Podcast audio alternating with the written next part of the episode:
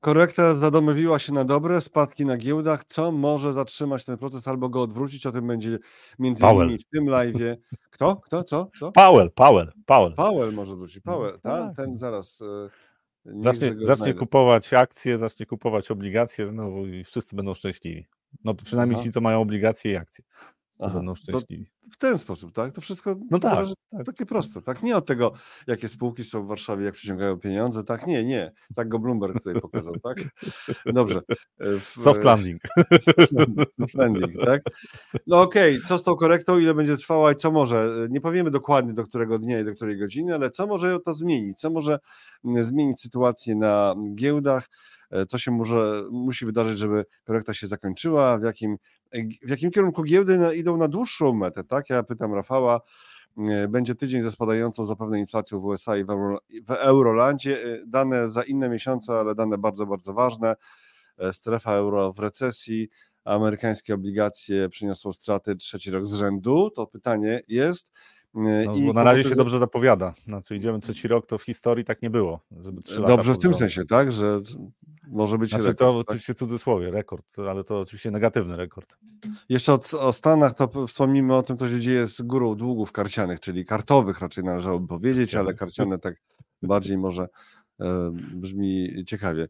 E, Dobrze, już e, dziękujemy za tą ekwilibrystykę na początku. A jeszcze ekwilibrystyka werbalna od Zacharego, naszego stałego widza. Witamy wszystkich, którzy Oj, są tutaj z nami nie. już. Witamy, za chwilę zaczynamy e, tak, rozmawiać o tym merytorycznie, co się dzieje, ale teraz jeszcze myśl dnia od Zacharego. Dzień dobry, witamy pana bardzo e, serdecznie.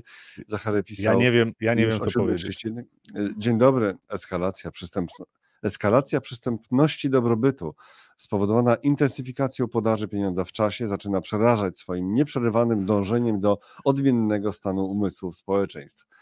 Mamy o czym myśleć dzisiaj przez cały dzień, ale najpierw zajmijmy się bieżącymi sprawami. Dziękujemy bardzo za ten jakże malowniczy wpis. E, Naprawdę to nas posuwa dalej też w rozwoju takim intelektualnym bez wątpienia. Rafał Bogusławski, e, Dzień dobry. Robert Mózg mi się nie mieści w czaszce. Robert Stanilewicz, analizy online, analizy live. Startujemy, czekamy na Wasze pytania i na Wasze komentarze.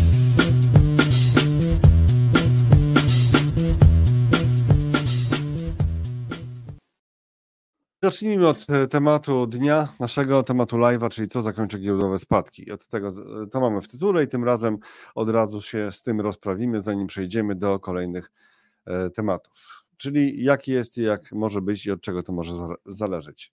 Tutaj dwie, dwa rynki, które nas interesują, czy mnie interesują, ale mam nadzieję, że też większość z nas interesują, czyli Stany Zjednoczone i Polska.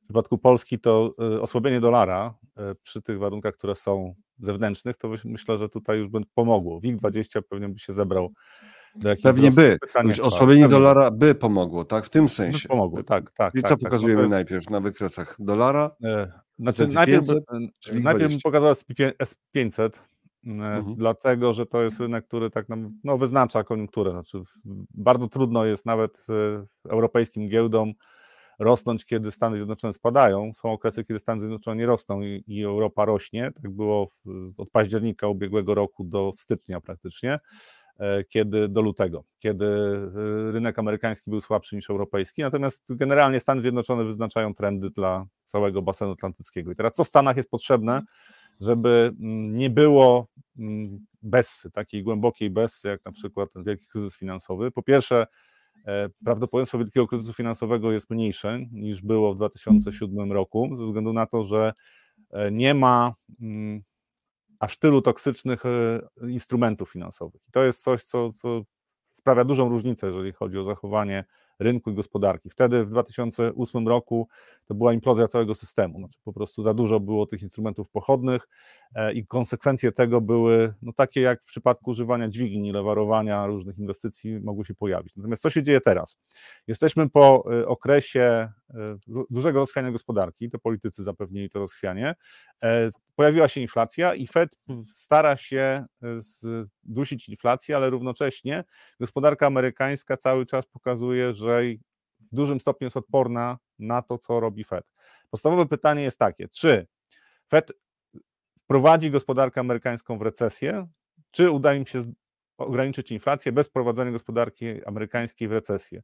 To są dwa różne scenariusze i w tym pierwszym scenariuszu mamy w perspektywie e, powiedzmy najbliższych dwóch lat bezse, znaczy wtedy rynki spadną co najmniej 20%, to jest 500 spadnie. Natomiast jest ten drugi scenariusz, w którym może się okazać, że inflacja jednak będzie pod kontrolą, on spadnie powiedzmy do okolicy 3%, e, a równocześnie gospodarka nie wyhamuje, tak żeby weszła w recesję. I tutaj za tym scenariuszem przemawia na przykład skala stymulacji fiskalnej, która jest zapowiadana, realizowana i, i obecnie i jest zapowiadana na ten rok fiskalny, który zaczyna się na początku października. Oczywiście tam jeszcze zamknięcie rządu może po drodze mhm. trochę namieszać, ale jeżeli ten scenariusz takiej stymulacji fiskalnej. Zamknięcie rządu, uwaga, uwaga, króciutko dygresja, zamknięcie rządu, czyli że znowu się nie dogadają co do podniesienia poziomu, tak? Y, nie, to jest y, nie, no, uchwalenie A, 12 nie. ustaw budżetowych.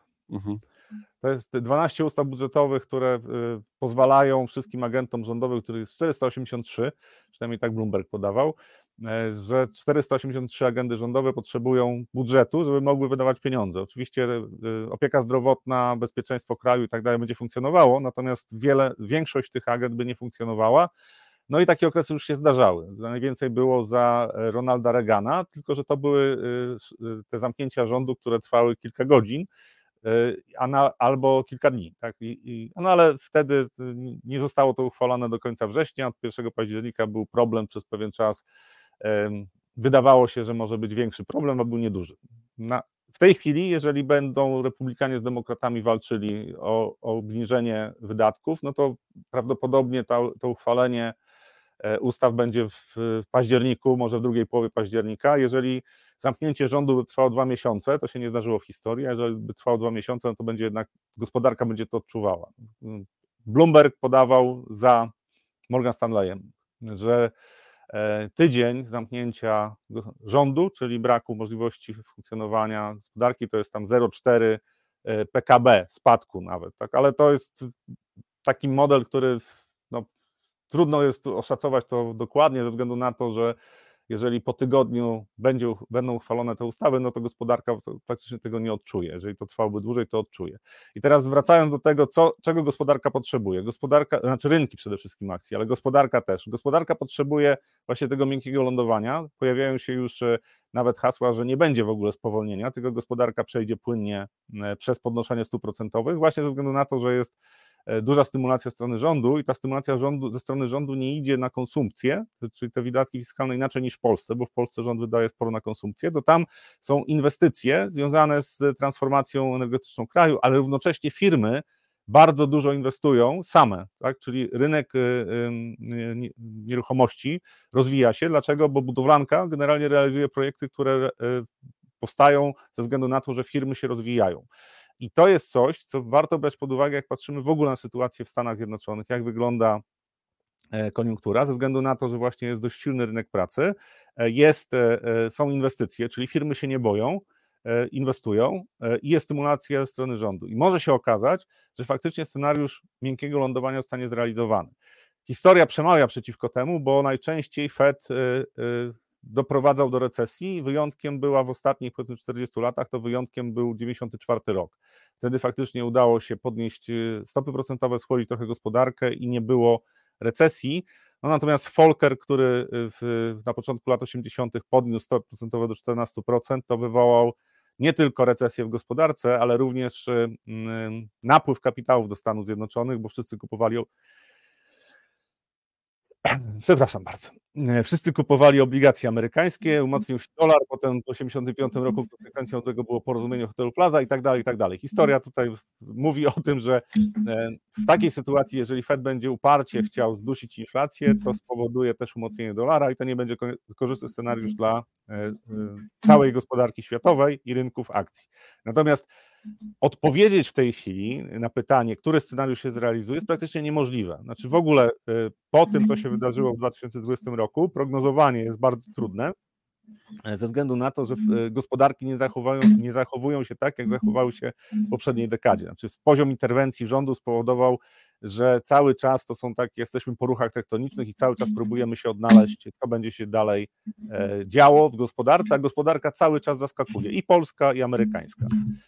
I to jest, tutaj Robert pokazuje, to jest indeks futures na dolara, czyli indeks dolara. I w lipcu większość była przekonana, że no dolar to już w ogóle jest skazany na to, żeby się osłabiał dalej. Tak pokonał poziom 100 na indeksie.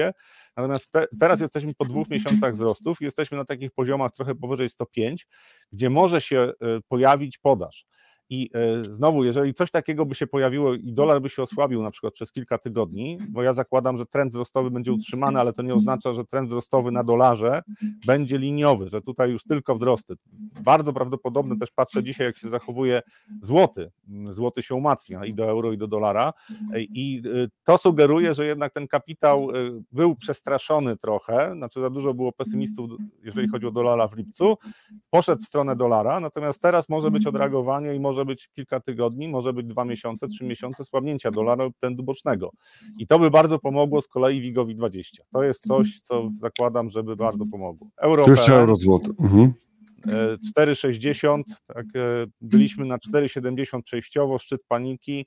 Mówiłem, że e, po, przy tej polityce, którą RPP prowadzi, raczej złoty będzie się dalej e, osłabiał w perspektywie na przykład roku, ale to nie znaczy, że będzie się osłabiał liniowo i bardzo prawdopodobny był ten scenariusz tak, że złoty zacznie się umacniać, czyli euro jest tańsze, E, i nawet do poziomu 4,55, nawet do 4,50 może się cofnąć e, e, kurs euro-PLN, gdyby okazało się, że poprawia się koniunktura na rynkach akcji, czyli jest risk on. Bo wtedy inwestorzy znowu zapomną o tym, że RPP ma dość łagodną politykę monetarną, a mamy równocześnie bardzo dużą stymulację fiskalną, deficyt ponad 5% i baza monetarna, czyli ilość pieniądza w gospodarce rośnie w tempie powyżej 7-8%. Mhm. To jest coś, co się utrzymuje na stałym poziomie. Dla y, strefy euro na przykład to spada ilość pieniądza w gospodarce. To jest jeden z parametrów, który mówi o tym, jakie, jest, jakie są szanse na e, obniżenie inflacji. W strefie euro są zdecydowanie większe niż w Polsce. To znaczy w Polsce ten poziom 7-8% za chwilę będzie dużym wyzwaniem i w perspektywie powiedzmy dwóch lat, według mnie kurs i euro, i, i, i, dolara będzie odzwierciedlał te ryzyka związane z wyższą inflacją w Polsce, ale przejściowo Tutaj WIG20 jest powyżej 1900 punktów. Ja zakładałem, że 1880 to jest taki pierwszy poziom, przy którym korekta może się skończyć. E, I zakładałem, że będzie to październik, znaczy, że do połowy października cała korekta powinna się zakończyć, końcówka roku dość dobra. Pytanie, czy tak będzie, no to jest pytanie otwarte. Mamy sporo zagrożeń dotyczących banków, y, mm, też wybory parlamentarne. No tutaj nie, nie wiadomo, co się wydarzy przez te dwa tygodnie. E, dwa tygodnie? Trzy tygodnie. Przez trzy tygodnie to tutaj jeszcze może być trochę politycznego zamieszania i po prostu duży kapitał zagraniczny zagraniczny nie będzie wchodził na ten rynek, ale może być taki scenariusz, że wejdzie na, na polski rynek, na przykład jeszcze przed wyborami. Dlaczego? Zakładając, że co by się nie stało w czasie wyborów, kto nie wygra, e, to i tak dla gospodarki to nie ma dużego znaczenia. I patrząc e, historycznie, no prawdopodobnie mają rację. Więc na razie e, obserwuję dolara, Zakładam, że po tych wzrostach od lipca tutaj według mnie pojawi się rozbudowana, jest bardzo prawdopodobna rozbudowana korekta, e, co by oznaczało, że jest trochę risk on na świecie i WIG20 wraca do trendu wzrostowego. Czy pokona 2200? Trudno powiedzieć. Jest trochę zagrożeń, chyba za dużo, jeżeli chodzi o banki, no ale to przy e, sporej stymulacji fiskalnej, odrodzeniu się popytu e, ze względu na to, że wynagrodzenia już rosną mniej więcej w tym tempie, jaka jest inflacja, no to jest szansa na to, że końcówka roku będzie całkiem dobra, jeżeli chodzi o dane makro, czyli nie będzie już obaw o to, że wchodzimy w głęboką recesję, pomimo tego, że w strefie euro ta recesja jest. Podsumowując, co można zakończyć giełdowe spadki? Na, na gie, naszej Mogę? giełdzie y, w miarę dobre dane, jeżeli chodzi o sprzedaż detaliczną w kolejnych y, y, tygodniach, miesiącach. E, według mnie te dane będą poprawiały się.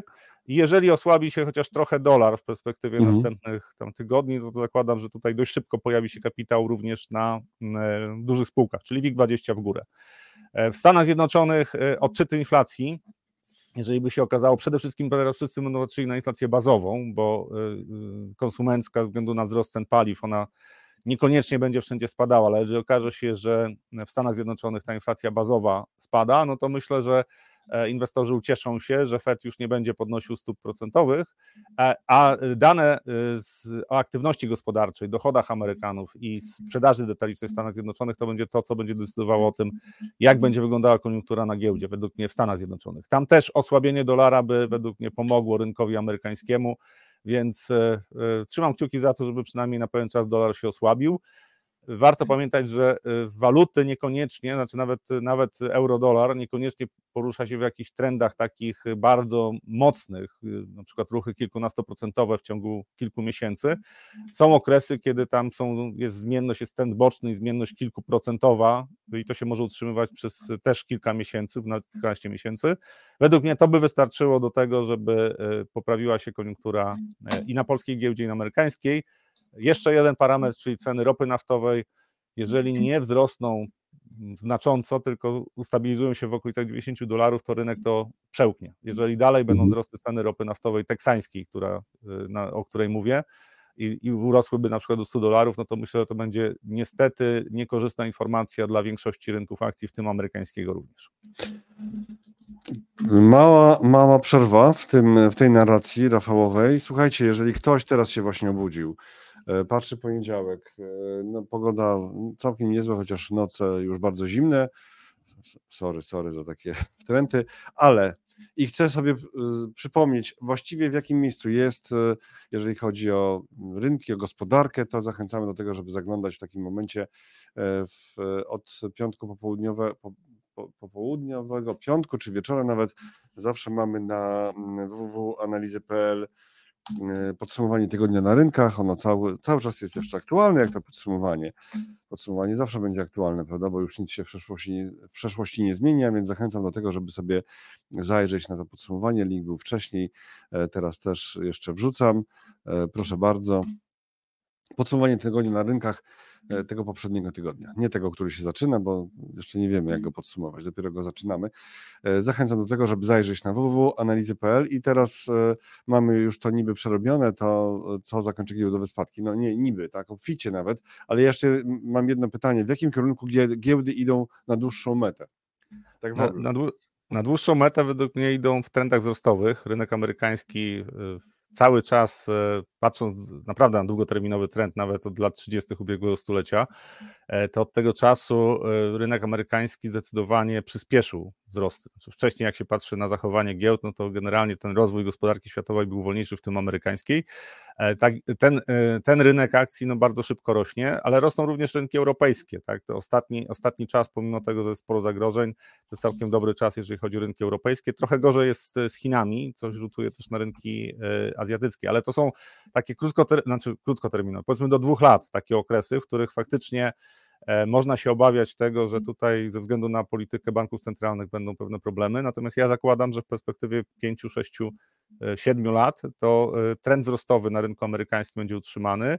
Rodzi się według mnie trend wzrostowy na polskim rynku akcyjnym, w tym na WIG-20, to znaczy tu już trwa, jeżeli chodzi o małe spółki, to myślę, że E, dojdziemy w, w pewnym momencie do e, wycen, które były w 2007 roku, e, czyli tam kiedyś kapitał zacznie płynąć ze względu na to, jaka jest polityka między innymi fiskalna i monetarna w Polsce, która jest lekko proinflacyjna, ale też prowzrostowa, czyli krótko mówiąc, teraz jak konsument już nie będzie tak słaby, jak był w pierwszej połowie tego roku w Polsce, to trend wzrostowy na giełdzie będzie utrzymywany całkiem niezłymi wynikami y, polskich spółek, pomimo tego, że strefa euro będzie miała pewne problemy gospodarcze. To znaczy, my będziemy prawdopodobnie mieli e, lepsze parametry wzrostu gospodarczego niż na przykład Niemcy czy Francja.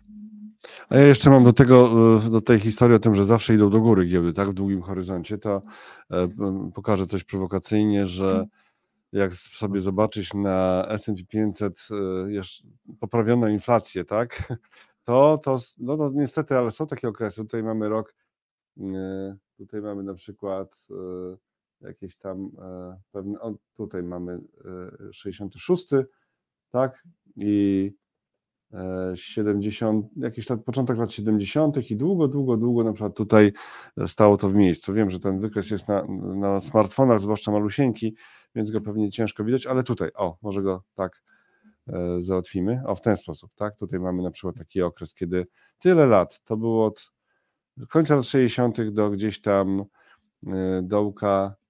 81. Który? 81 81 albo właśnie, tak? Proszę bardzo, tutaj też jest sporo lat. Tutaj mamy kolejne okresy, a tutaj jeszcze nie doszliśmy do tego momentu z gdzieś tam z 2022 roku, bo to jest chyba 2022. E, idą do góry, ale ta inflacja potrafi y, pozjadać zyski. Tak? Są takie okresy, no. że przez wiele lat po prostu nie można się jednak odbić mimo wszystko. No ale mimo wszystko, jeżeli nałożymy na to nawet stopy zwrotu z obligacji długoterminowych, e, skorygowaną inflację, to akcje nie mają konkurencji. To znaczy, były okresy oczywiście, kiedy te obligacje amerykańskie dawały długoterminowe niesamowite zyski, tak, jak rentowności tych obligacji były tam pod 20% e, i potem spadały, no to był, świetny czas. Lata 80. to był doskonały czas, ale generalnie rynek akcji daje wyższe stopy na e, skorygowaną inflację niż, niż e, obligacje i dotyczy to takich rynków, które są w których rząd zmierza w taką stronę, żeby jednak konkurencyjność firm rosła. Tak? To znaczy nie ma zbyt dużo rozwiązań takich socjalnych, które powodują, że mm, gospodarka, czy inaczej firmy nie zyskują tak dużo jak firmy amerykańskie.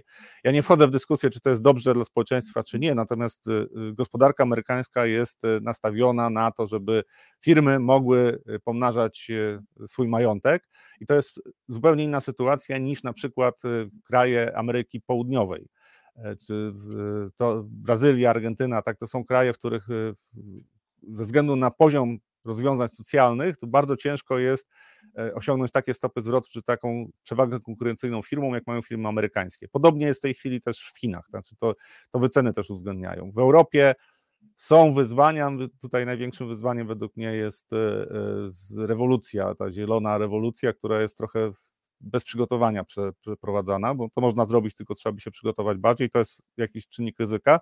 Natomiast giełdy europejskie też w, po okresach takich, kiedy są problemy z wzrostem gospodarczym ogólnie, tak, początek poprzedniej dekady, pierwsza połowa poprzedniej dekady, ale to był, wychodzi, Europa wychodziła dużo boleśniej z kryzysu e, finansowego niż Stany Zjednoczone, to, są, to były okresy, kiedy giełdy europejskie zachowały się źle, teraz zachowują się nieźle. I znowu, nawet korygując o inflację, e, to te stopy zwrotu są całkiem sensowne, E, nasza giełda, e, no tu jest wyzwanie związane z tym, że mieliśmy zawsze, jeżeli patrzymy na WIG20, to przede wszystkim było tych spółek Skarbu Państwa za dużo, za dużo też banków, mm, to się trochę pozmieniało, natomiast generalnie to jest kwestia tego, co jest w indeksie i, i nasze, nasze spółki no nie miały takiej dynamiki wzrostu jak na przykład spółki amerykańskie.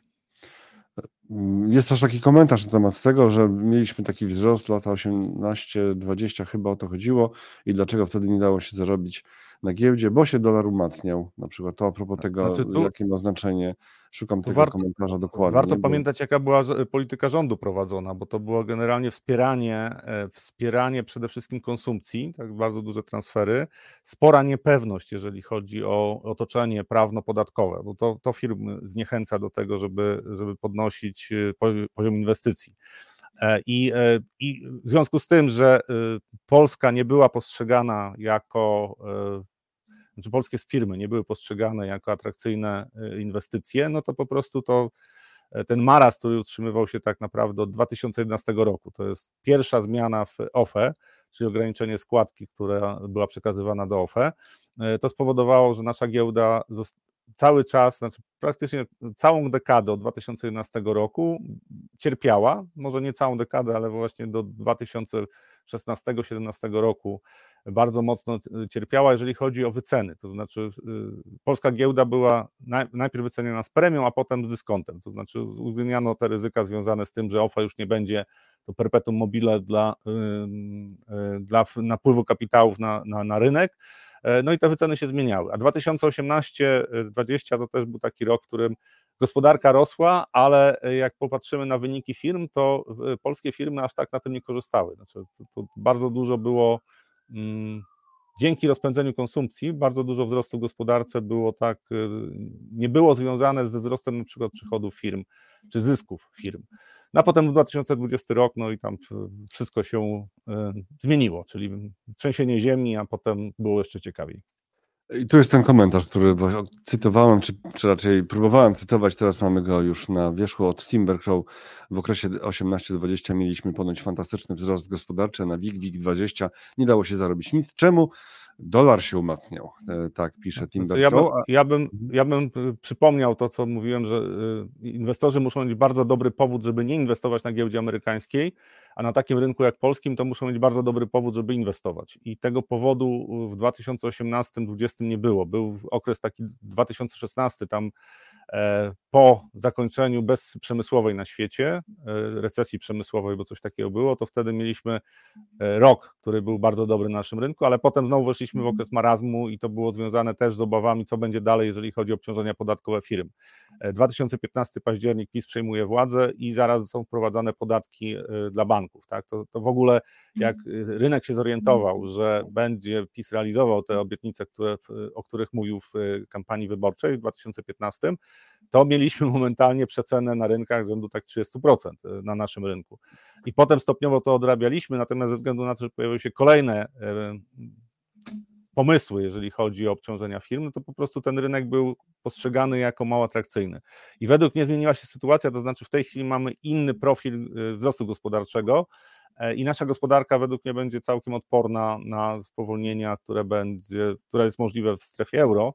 E, i będzie doceniana. To znaczy, tutaj będzie napływ kapitału w perspektywie powiedzmy dwóch, trzech lat. Mhm. Jakieś korekty, jakieś przeceny na pewno będą, natomiast y, ja zakładam, że e, inflacja plus wzrost gospodarczy przełoży się na to, że firmy będą pokazywały całkiem sensowne wyniki i będzie płynął tu kapitał. Teraz ja, a właściwie wy. Zakubowski pisał, WIG20 to sinusoida, ale to też można wykorzystać do zarabiania. Kupuj przy 1400 punktów sprzedawej przy 2200, na co doktor Szum pisze, ja tam kupię już teraz, chyba chociaż doktor e, Szum jest na Facebooku, to nie wiem, czy ten komentarz widział, bo komentarz Zakobowskiego był na YouTubie. Ja tam kupię już teraz, ale być może to jest tylko szum. Pamiętajcie. Ja, to, ja już kupiłem. Znaczy, 1900... dziś, jutro. No, mhm tak? Że będzie większa promocja, tak, pojawi się mniej strach i to będzie odpowiedni moment, to dziś, jutro. E, możliwe, no, możliwe, tylko że jest pytanie, bo takie strategie e, sprawdzają się, znaczy jak patrzymy na WIG20, to 2200, 2400, tak, to, są, to jest ten obszar, w którym bardzo prawdopodobne jest, że rynek będzie się zatrzymywał e, i nawet jak będzie hossa, to tutaj Myślę, że tak łatwo nie pójdzie, że z marszu pokonamy 2200, czyli tam znowu będzie jakiś przystanek. Natomiast pytanie, co zrobić, jak już y, okaże się, że ten rynek y, pokonał na przykład 2400 i nie chce się dalej zatrzymać. To nie jest niemożliwe, bo patrząc na y, wyceny i banków, i, mm, i Orlenu na przykład, no to te wyceny nie są bardzo wymagające. Znaczy, tu niewiele potrzeba, żeby okazało się, że 2, 400, nawet nie 2200 jest pokonane. I co wtedy? Ścigać rynek, czy poszukać gdzieś innych okazji? Wtedy prawdopodobnie większość rynków na świecie będzie droższa. I to są takie dylematy spekulanta, więc brałbym pod uwagę, że mhm. nasz rynek może zaskoczyć w pewnym momencie. WIG20 też.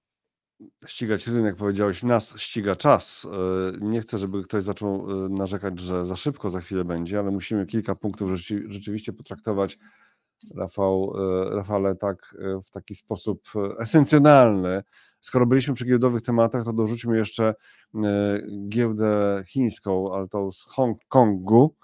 Tak, tam znowu dzisiaj spadki i za chwilę przejdziemy do, do obligacji amerykańskich, jeszcze kilku tematów i będziemy się z Wami żegnać. No nie, jeszcze nie w tej chwili, ale już dzisiaj nie będziemy do dziesiątej opowiadać. Ja, ja często pokazuję Hongkong, e, czyli główny indeks e, giełdy w Hongkongu, e, bo liczę na to, że tam no, złapią jakiś dołek taki sensowniejszy i zaczną się wzrosty związane z tym, że jednak działania rządu i Banku Centralnego pomogą. Natomiast na razie to mamy tam taki mały rollercoaster, czyli w piątek Hang Seng poszedł 2% do góry, ponad 2%. Dzisiaj, jak patrzyłem, to już prawie 2% spada. E, czyli większość tego wzrostu została oddana. E, dlaczego duży poziom niepewności dotyczący mm, sytuacji w gospodarce, też dotyczący tych e, spółek większych i technologicznych, bo Hongkong to są też spółki technologiczne, czyli są obawy o to, czy faktycznie ten wzrost gospodarczy mm, stymulowany przez rząd będzie wystarczająco mocny, żeby giełda zaczęła rosnąć. Bardzo zły sentyment do, generalnie do rynku chińskiego, jeżeli patrzymy na globalnie, no to jest taki, taka przesłanka, że większość dość często w takich momentach, kiedy nie biorą pod uwagę tego, co robi rząd, a tam rząd i bank centralny od lipca stymulują gospodarkę, jest w błędzie. Więc jeżeli z tej nerwowości, która jest obecnie, urodzi się jakiś trend wzrostowy, to będzie bardzo pozytywne przesłanie również dla WIG-20. Dlatego obserwuję ten rynek, natomiast na razie tam mamy podwyższoną zmienność, I pytanie, tak, czy jeszcze jakaś fala duża spadkowa się nie pojawi, ze względu na to, że odpływ kapitałów tam jest potężny, prawie 200 miliardów od początku roku odpłynęło w ogóle z aktywów e, e, zagranicznych z rynku chińskiego, tak, Hongkong plus, plus Chiny, 200 miliardów dolarów y, i to odzwierciedla zmianę sentymentu, e, natomiast według mnie są pozytywne sygnały z gospodarki chińskiej. Czy dobrze to odczytuję, nie wiem, ale obserwuję ten rynek, jeżeli tam Hang Seng by zaczął rosnąć w stronę 19 tysięcy, 20 tysięcy, to myślę, że WIG20 bardzo szybko też będzie rósł w stronę 2200 e, punktów. To lecimy teraz do obligacji amerykańskich, które mogą mieć e, trzeci rok z rzędu straty, tak? E, tak, znaczy to są bardzo ciekawe, mhm. znaczy w historii to dwa lata pod rząd strat to się pojawiało, tak, to, to, to, to było, no więc trzy lata to w historii nie było. Znaczy oczywiście to jest pytanie też o jakie obligacje, bo jeżeli w bony skarbowe 13-tygodniowe e, albo obligacje półroczne inwestuję, no to tam nie zara to zarabiam. Natomiast nawet jak patrzę na e, indeks, to jest ETF, PSHI to jest ETF, który inwestuje w mm, obligacje skarbowe amerykańskie 1-3 lata. I od początku roku to jest ponad 1% straty. Jak popatrzymy od końca grudnia, to ten, ten portfel stracił 1%, a to są dość krótkie obligacje. Oni tam mają duration e, półtora roku, czy 1,7, tak? To, to nie są długoterminowe obligacje, natomiast bardzo duże wzrosty też rentowności obligacji dwuletnich spowodowały, że ten portfel nie zarobił. Znaczy było w marcu fantastycznie, bo wtedy się przestraszyli inwestorzy, że y, banki regionalne w Stanach Zjednoczonych będą miały problemy, no to momentalnie rentowności pospadały, ale potem pojawiło się rozczarowanie i jesteśmy tu, gdzie jesteśmy. Ale warto pamiętać, że e, poziom 5%, e, jak patrzymy na obligacje dwuletnie, to poziom 5% w perspektywie kilku lat jest całkiem atrakcyjny, chyba że przyjmujemy scenariusz, że inflacja w Stanach Zjednoczonych będzie mm, rosła cały czas. Natomiast jeszcze gorzej to wygląda, jak patrzymy na e, długoterminowe obligacje.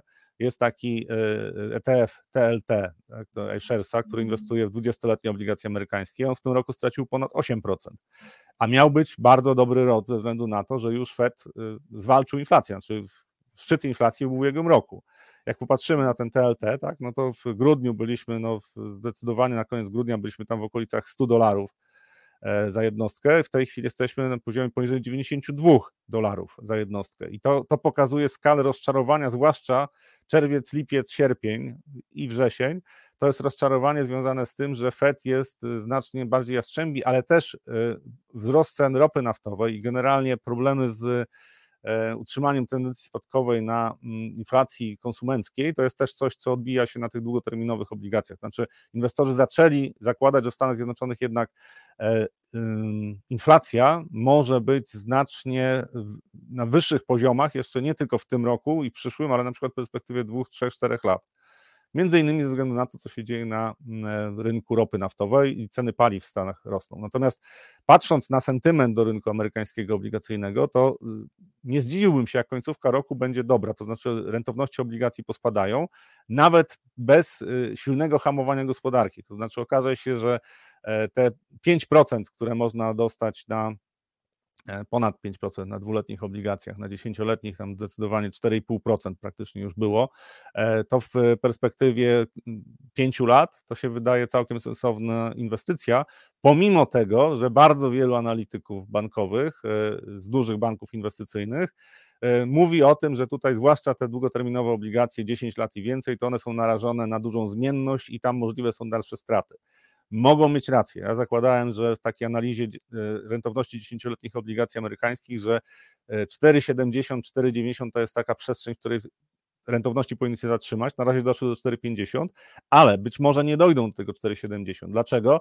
Bo są sygnały z gospodarki amerykańskiej, na przykład e, jeżeli mówimy o bezrobotnych, że mimo wszystko ta gospodarka odczuwa to, co zrobił Fed. I jeżeli w pewnym momencie inwestorzy przekonają się, że inflacja już nie rośnie, konsumencka, tak, a y, y, bazowa trochę spada, to może się okazać, że pojawi się większy popyt również na te długoterminowe obligacje. Do tego jest potrzebny jeszcze jeden element, czyli Departament Skarbu musi przestać szaleć z emisją długu, czyli tam obligacje emitowane przez skarb, przez Departament Skarbu po prostu zalewają w tej chwili rynek. A to jest permanentnie bezrobotni. Tak? To, to są dane, które Fed y, gromadzi, przedstawia, czyli liczba osób, y, która jest trwale bezrobotna, używając terminologii GUS-u, i e, zaczyna to rosnąć. Znaczy tutaj patrząc na e, ostatnie dane, które są, to jest 1,6 miliona bezrobotnych, jest taka lekka tendencja wzrostowa. I to jest według mnie, pomimo tego, że na rynek wchodzi duża liczba nowych pracowników, bo to też utrzymuje gospodarkę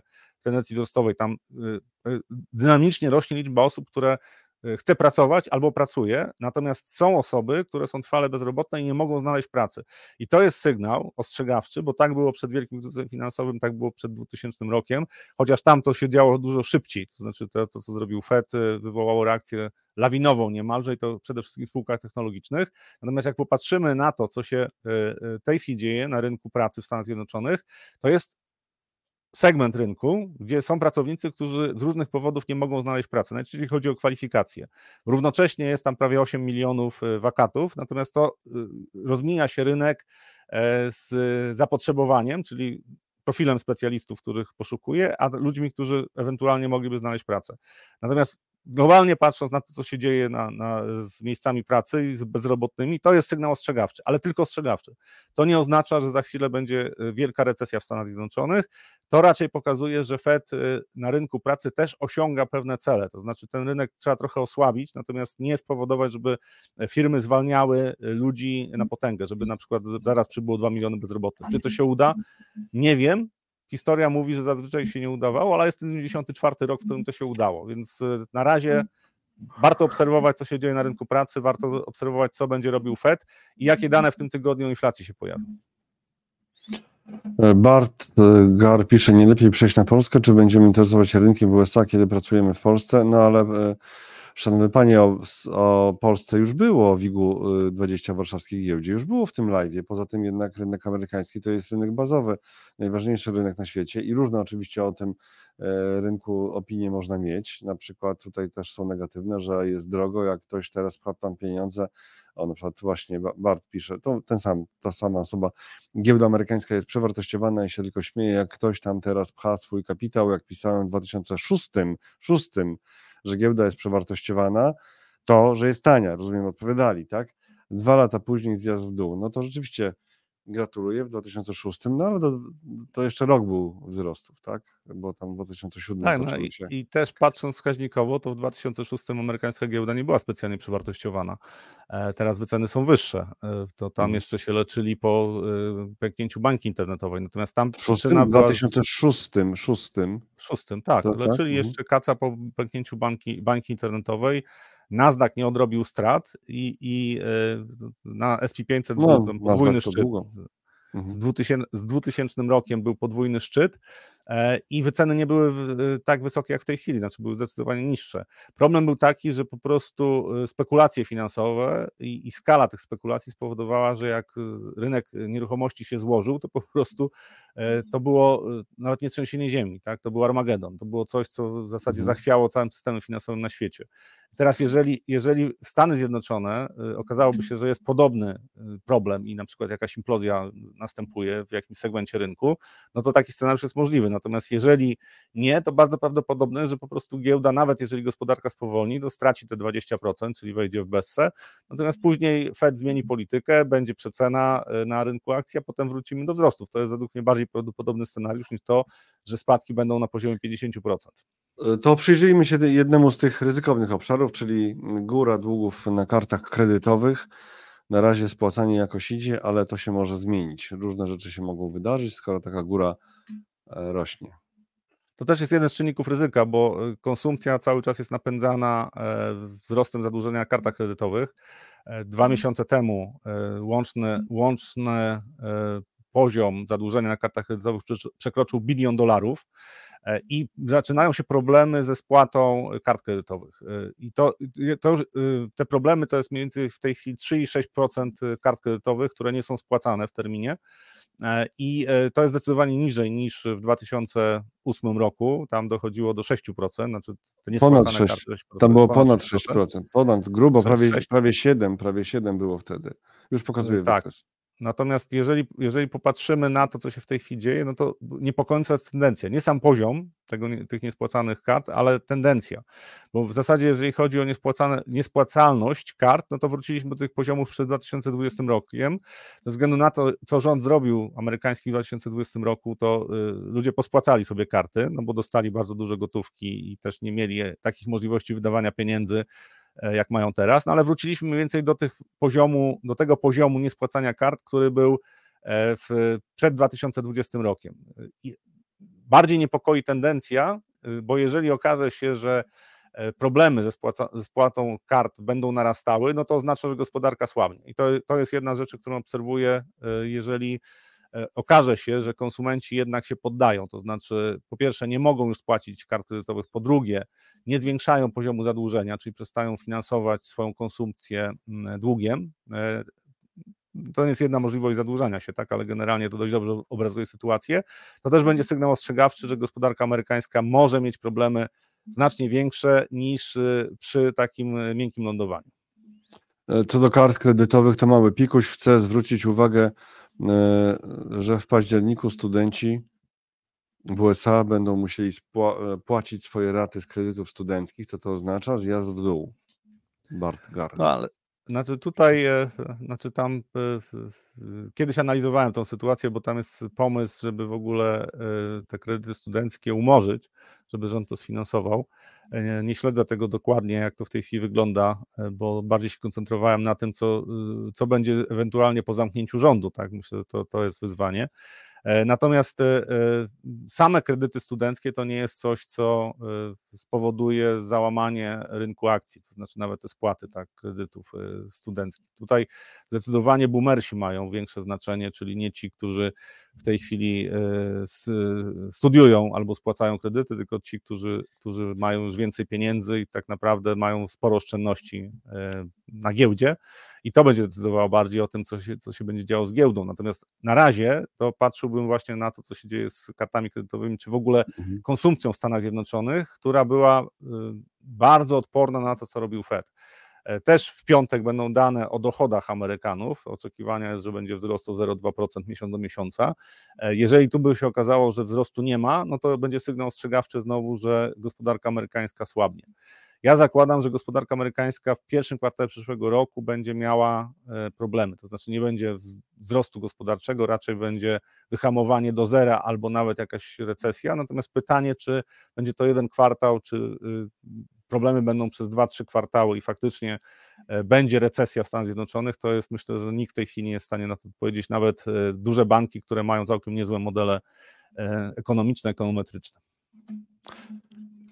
Słuchajcie, samo złoto w, na Topczacie na YouTubie. No, oczywiście też pozdrawiamy tych, którzy są na Facebooku i do nas piszą, bo że dziś, jutro jest na Facebooku, doktor Szum jest na Facebooku. Tych, którzy nie piszą, też zachęcam do tego, żeby czasami coś napisali po prostu dla zrobienia ruchu. Nie ukrywajmy, tak, ale e, Topczat naprawdę dzisiaj to samo złoto. Oddzielna wartość tego live'a, jeżeli ktoś e, jest tylko na Facebooku, tam jest mniejszy ruch, E, to troszeczkę traci, więc może sobie przejrzeć potem ten top chat, bo jest wiele ciekawych e, komentarzy, których już nie zmieścimy tutaj, e, bo teraz musimy jeszcze kilka tematów zahaczyć, zaznaczyć. Na przykład mamy przed sobą tydzień z ważnymi informacjami o inflacji. I co nam te dane mogą powiedzieć? Jeszcze wspomnijmy też o tym, że strefa euro wygląda na to, że jest w recesji. No strefa euro, to może od tego Ale zacznijmy, że tam o strefę euro. Okay. spadały. E, mhm. E, I, I wygląda na to, że trzeci kwartał to nie tylko Niemcy, ale też na przykład Francja prawdopodobnie jest w recesji, e, czego ekonomiści nie uwzględniali. PMI pokazały, zwłaszcza we Francji, że usługi siadły i to jest duże wyzwanie, jeżeli chodzi o gospodarkę francuską. Oczywiście to jest kwestia też profilu tej gospodarki, znaczy tam chociażby dobra luksusowe, tak, to, to spadek w tym segmencie spowodował, a to, to jest pochodna tego, co się działo w Chinach, E, żeby tam był mniejszy popyt, czyli też e, te, te firmy, które, które działają w branży dóbr luksusowych, no, odczuły znacznie mocniej niż na przykład firmy niemieckie. Ale niepokojące jest to, że, że PMI usługowy spadł i, i tutaj dane, które napłynęły z, ze strefy euro raczej nie są optymistyczne e, i obawiam się, że dane jak po- pojawią się na temat wzrostu PKB za e, trzeci kwartał, to tego wzrostu nie będzie albo będzie spadek PKB. To są, to są dane, które e, w tej chwili będą się pojawiały, więc to jest jeden, jeden z elementów tej układanki, który według mnie będzie w tej chwili wskazywał, żeby raczej inwestorzy będą wybierali rynek amerykański, gospodarkę amerykańską niż europejską, pomimo że firmy europejskie są niżej wycenione.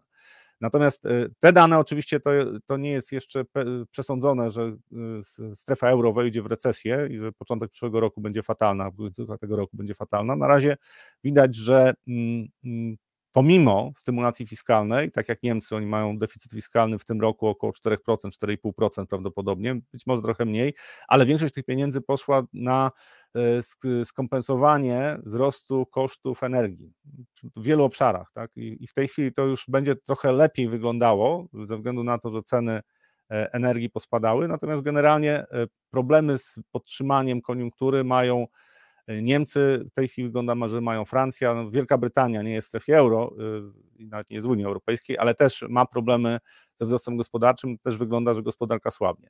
I to jest coś, co może rzutować na y, giełdy europejskie, natomiast to spowolnienie według mnie będzie sygnałem dla y, inflacji, zwłaszcza w strefie euro, która jest pilnie obserwowana. I tutaj większość będzie patrzyła na inflację bazową bo poza Polską, gdzie Orlen sobie e, zarządza inflacją konsumencką, to w Europie ze względu na wzrost cen paliw ta inflacja konsumencka może trochę wzrosnąć, ale bazowa w strefie euro spadnie i prawdopodobnie spadnie poniżej 5%. Ten odczyt będzie w piątek. Jeżeli spadłaby mocniej niż rynek oczekuje, to według mnie to będzie pozytywny sygnał dla e, rynku obligacji europejskich, to znaczy e, inwestorzy przyjmą, że Europejski Bank Centralny tak osiąga osiąga swój cel, czyli inflacja bazowa nie rośnie. Oczywiście wyzwaniem będzie inflacja konsumencka, wzrost cen paliw może się przełożyć też na inflację bazową w perspektywie następnych kilku miesięcy. Ale to jest coś, e, co w tym tygodniu będzie bardzo pilnie obserwowane. Te dane z, ze strefy euro z Niemiec e, o inflacji to są wstępne dane mm, i dane za wrzesień, tak? Podobnie jak w Polsce, też będziemy mieli oczekiwany jest w tej chwili spadek inflacji do, w Polsce do 8,7%. Być może będzie nawet większy, bo y, ceny paliw bardzo mocno spadły. E, natomiast e, w Stanach Zjednoczonych w piątek będzie PCE bazowe, które ma spaść poniżej 4%, a PCE to jest Personal Consumption Expenditures, to jest ulubiona miara Fedu, to będzie dane za sierpień i prawdopodobnie te dane będą e, też pozytywne, to znaczy y, trend dezinflacji w Stanach postępuje. A to jest inflacja CPI Polska. E, ostatni odczyt 10,1, y, oczekiwania za, za wrzesień będzie 8,7. E, sam y, udział paliw plus transportu w koszyku inflacyjnym to jest tak ponad 10%. Te ceny paliw spadły około 12%, tak? czyli nie wszystko pewnie przeniosło się od razu na transport, ale zakładając, że e, tam jest spora konkurencja cenowa, no to myślę, że jednak dużo zostało przełożone na, e, na ceny, czyli spadek inflacji konsumenckiej tylko z tytułu cen paliw i transportu powinien być powyżej jednego punktu procentowego mniej, tak? czyli z 10,1 jesteśmy na 9,1. Ceny żywności, jak patrzyłem specjalnie, tam nie porosły, więc jest szansa na to, że faktycznie ta inflacja spadnie na przykład na 8,5%, na 8,4%, czyli poniżej oczekiwań. Natomiast pytanie jest, co będzie po wyborach, jak Orlen podniesie ceny, bo on w tej chwili e, według mnie oddał całą marżę, bo ceny e, ropy wzrosły tak, o kilkanaście procent, ceny paliw na rynkach światowych też porosły o kilkanaście procent, diesla nawet więcej, a Orlen w tym czasie e, obniżył ceny i w hurcie, i na stacjach benzynowych, E, i nie, nie może tego utrzymać. Znaczy nie jest w tej chwili w stanie utrzymać takich poziomów cen przy tym, co się dzieje na rynku światowym. Jakby ceny ropy na świecie pospadały, to być może wtedy Olen byłby w stanie utrzymać taki poziom cen. W tej chwili wydaje mi się, że jest, oddaje całą marżę, to znaczy nie ma zysku przy takich cenach, które, które utrzymuje w hurcie i na stacjach, to to nie ma zysku. E, po wyborach oczywiście tendencja będzie wzrostowa. Myślę, że dość szybko zobaczymy paliwo po 8 zł. No, to jest kwestia tego, że to jest monopol. E, więc prognozowanie inflacji w Polsce w tej chwili to jest e, takie zajęcie, które no, może sporo nerwów kosztować, albo trzeba podchodzić do tego z, tak jak Zachary, filozoficznie i przyjąć, że mhm. na koniec roku inflacja może być zupełnie inna niż w tej chwili by wyglądała tendencja spadkowa, potem będzie wzrostowa i tak będziemy zgadywali, co zrobi Olen z cenami paliw jeszcze pewnie przez wiele miesięcy. Gdzieś mi mignął na Twitterze wpis ekonomistów jednego z banków, gdzie liczyli dokładnie, ile to by było, gdyby na podstawie opinii e, jakichś ludzi z branży, ile by to było, gdyby rzeczywiście paliwa na stacjach paliw w Polsce odpowiadały temu, co dzieje się na walucie i na ropie. Ale tutaj na przykład z drugiej strony ekonomiści z PKS-a, prezydent Macron przed chwilą, 12 godzin temu to było, Francja poprosi firmy paliwowe, żeby sprzedawało, sprzedawały paliwo po kosztach, czyli widzisz, wyznaczamy trendy, wyznaczamy, znaczy tak, nikt, nikt u nas tak. nikogo oficjalnie nie prosił, aczkolwiek pamiętamy takie czasy, niektórzy pamiętają jak były takie działania, że po prostu wychodził y, tam rząd i mówił, to teraz taniej mają sprzedawać paliwo. Było tak, to, to kiedy to było? No przed laty było coś takiego. No było, było. Natomiast no, to jest pytanie, tak, jak długo można coś takiego utrzymywać. Znaczy, Wcześniej francuski rząd przygotował projekt ustawy zezwalającej stacjom na sprzedaż paliwa poniżej kosztów. Znaczy, no tam jest jeszcze, jeżeli chodzi o francuski rząd, to w ogóle starcie, to też na live mówiliśmy już ponad tydzień temu, że jest starcie z Niemcami na temat tego, jakie ceny energii w ogóle y, powinny być w gospodarce, bo y, rząd francuski zmusił y, EDF E, wielki ten koncern energetyczny mhm. zmusił do tego, żeby sprzedawał poniżej kosztów e, energię elektryczną firmom, zwłaszcza tym, które są energochłonne. E, Niemcy się oburzyli, więc to jeżeli chodzi o w ogóle o ceny paliw i energii, to o, w całej Europie y, są y, różnego rodzaju dofinansowania i zakładam, że będą. I rządy będą starały się interweniować właśnie jak rosną ceny y, ropy naftowej, to te interwencje będą się pojawiały. Zakładam, że w Niemczech też takie interwencje będą. Pytanie bardziej o to, co właśnie wydarzy się dalej, bo Orlen zakładam, że w tej chwili naprawdę zszedł do takich poziomów, w których nie ma dodatniej marży. To znaczy, według mnie cena na stacji benzynowej y, benzyny 95, 6 zł to jest, y, to nie ma marży dodatniej, tak? Znaczy po prostu po kosztach sprzedają albo poniżej kosztów. Notabene to był ten poziom cen, który uważałem, że jak ceny ropy były niższe o 20%, 15%, to spokojnie Orlen mógł y, wtedy mieć ceny na stacjach te 6 zł bo i tak by zarabiał, natomiast e, w tej chwili no to raczej nie zarabia i to jest coś, co według mnie jest nie do utrzymania, to znaczy nawet jak rząd będzie bardzo chciał, czy polski, czy francuski, żeby taka firma sprzedawała poniżej kosztów, no to jest konkurencja, tak? Znaczy, okaże się, że, e, że w, może zabraknąć paliwa tak, na, na, stacjach. To jest ekstremalny przykład, y, przypadek, ale to coś takiego może się wydarzyć. Generalnie mieszanie na rynku przez rządy zazwyczaj kończy się tym, że gdzieś pojawiają się deficyty. To jest historia, która bardzo często się powtarza. W PRL-u to przerabialiśmy często. No właśnie, my już zbliżamy się do końca tego e, live'a. Mała informacja z www.analizy.pl. Fanforum 11 wyprzedane, a więc drodzy ci, którzy jeszcze zbierali złotówki na to, żeby tam sobie jakoś dostęp zapewnić, to już teraz mamy niestety taką smutną informację, no, a z drugiej strony e, dla nas też taką pozytywną, że dużo przed czasem po prostu nie ma już miejsca, tam już się nikt nie zmieści fizycznie, w tym problem i mimo, że te kilkaset osób już tam jest, Fanforum 11 3 października, ale E, bądźcie czujni, zaglądajcie na www.analizy.pl, bo będą stamtąd relacje. Nie będzie transmisji poza jednym punktem programu, nie będzie transmisji generalnej całości, ale będą też e, rozmowy przeprowadzone z uczestnikami, z ekspertami.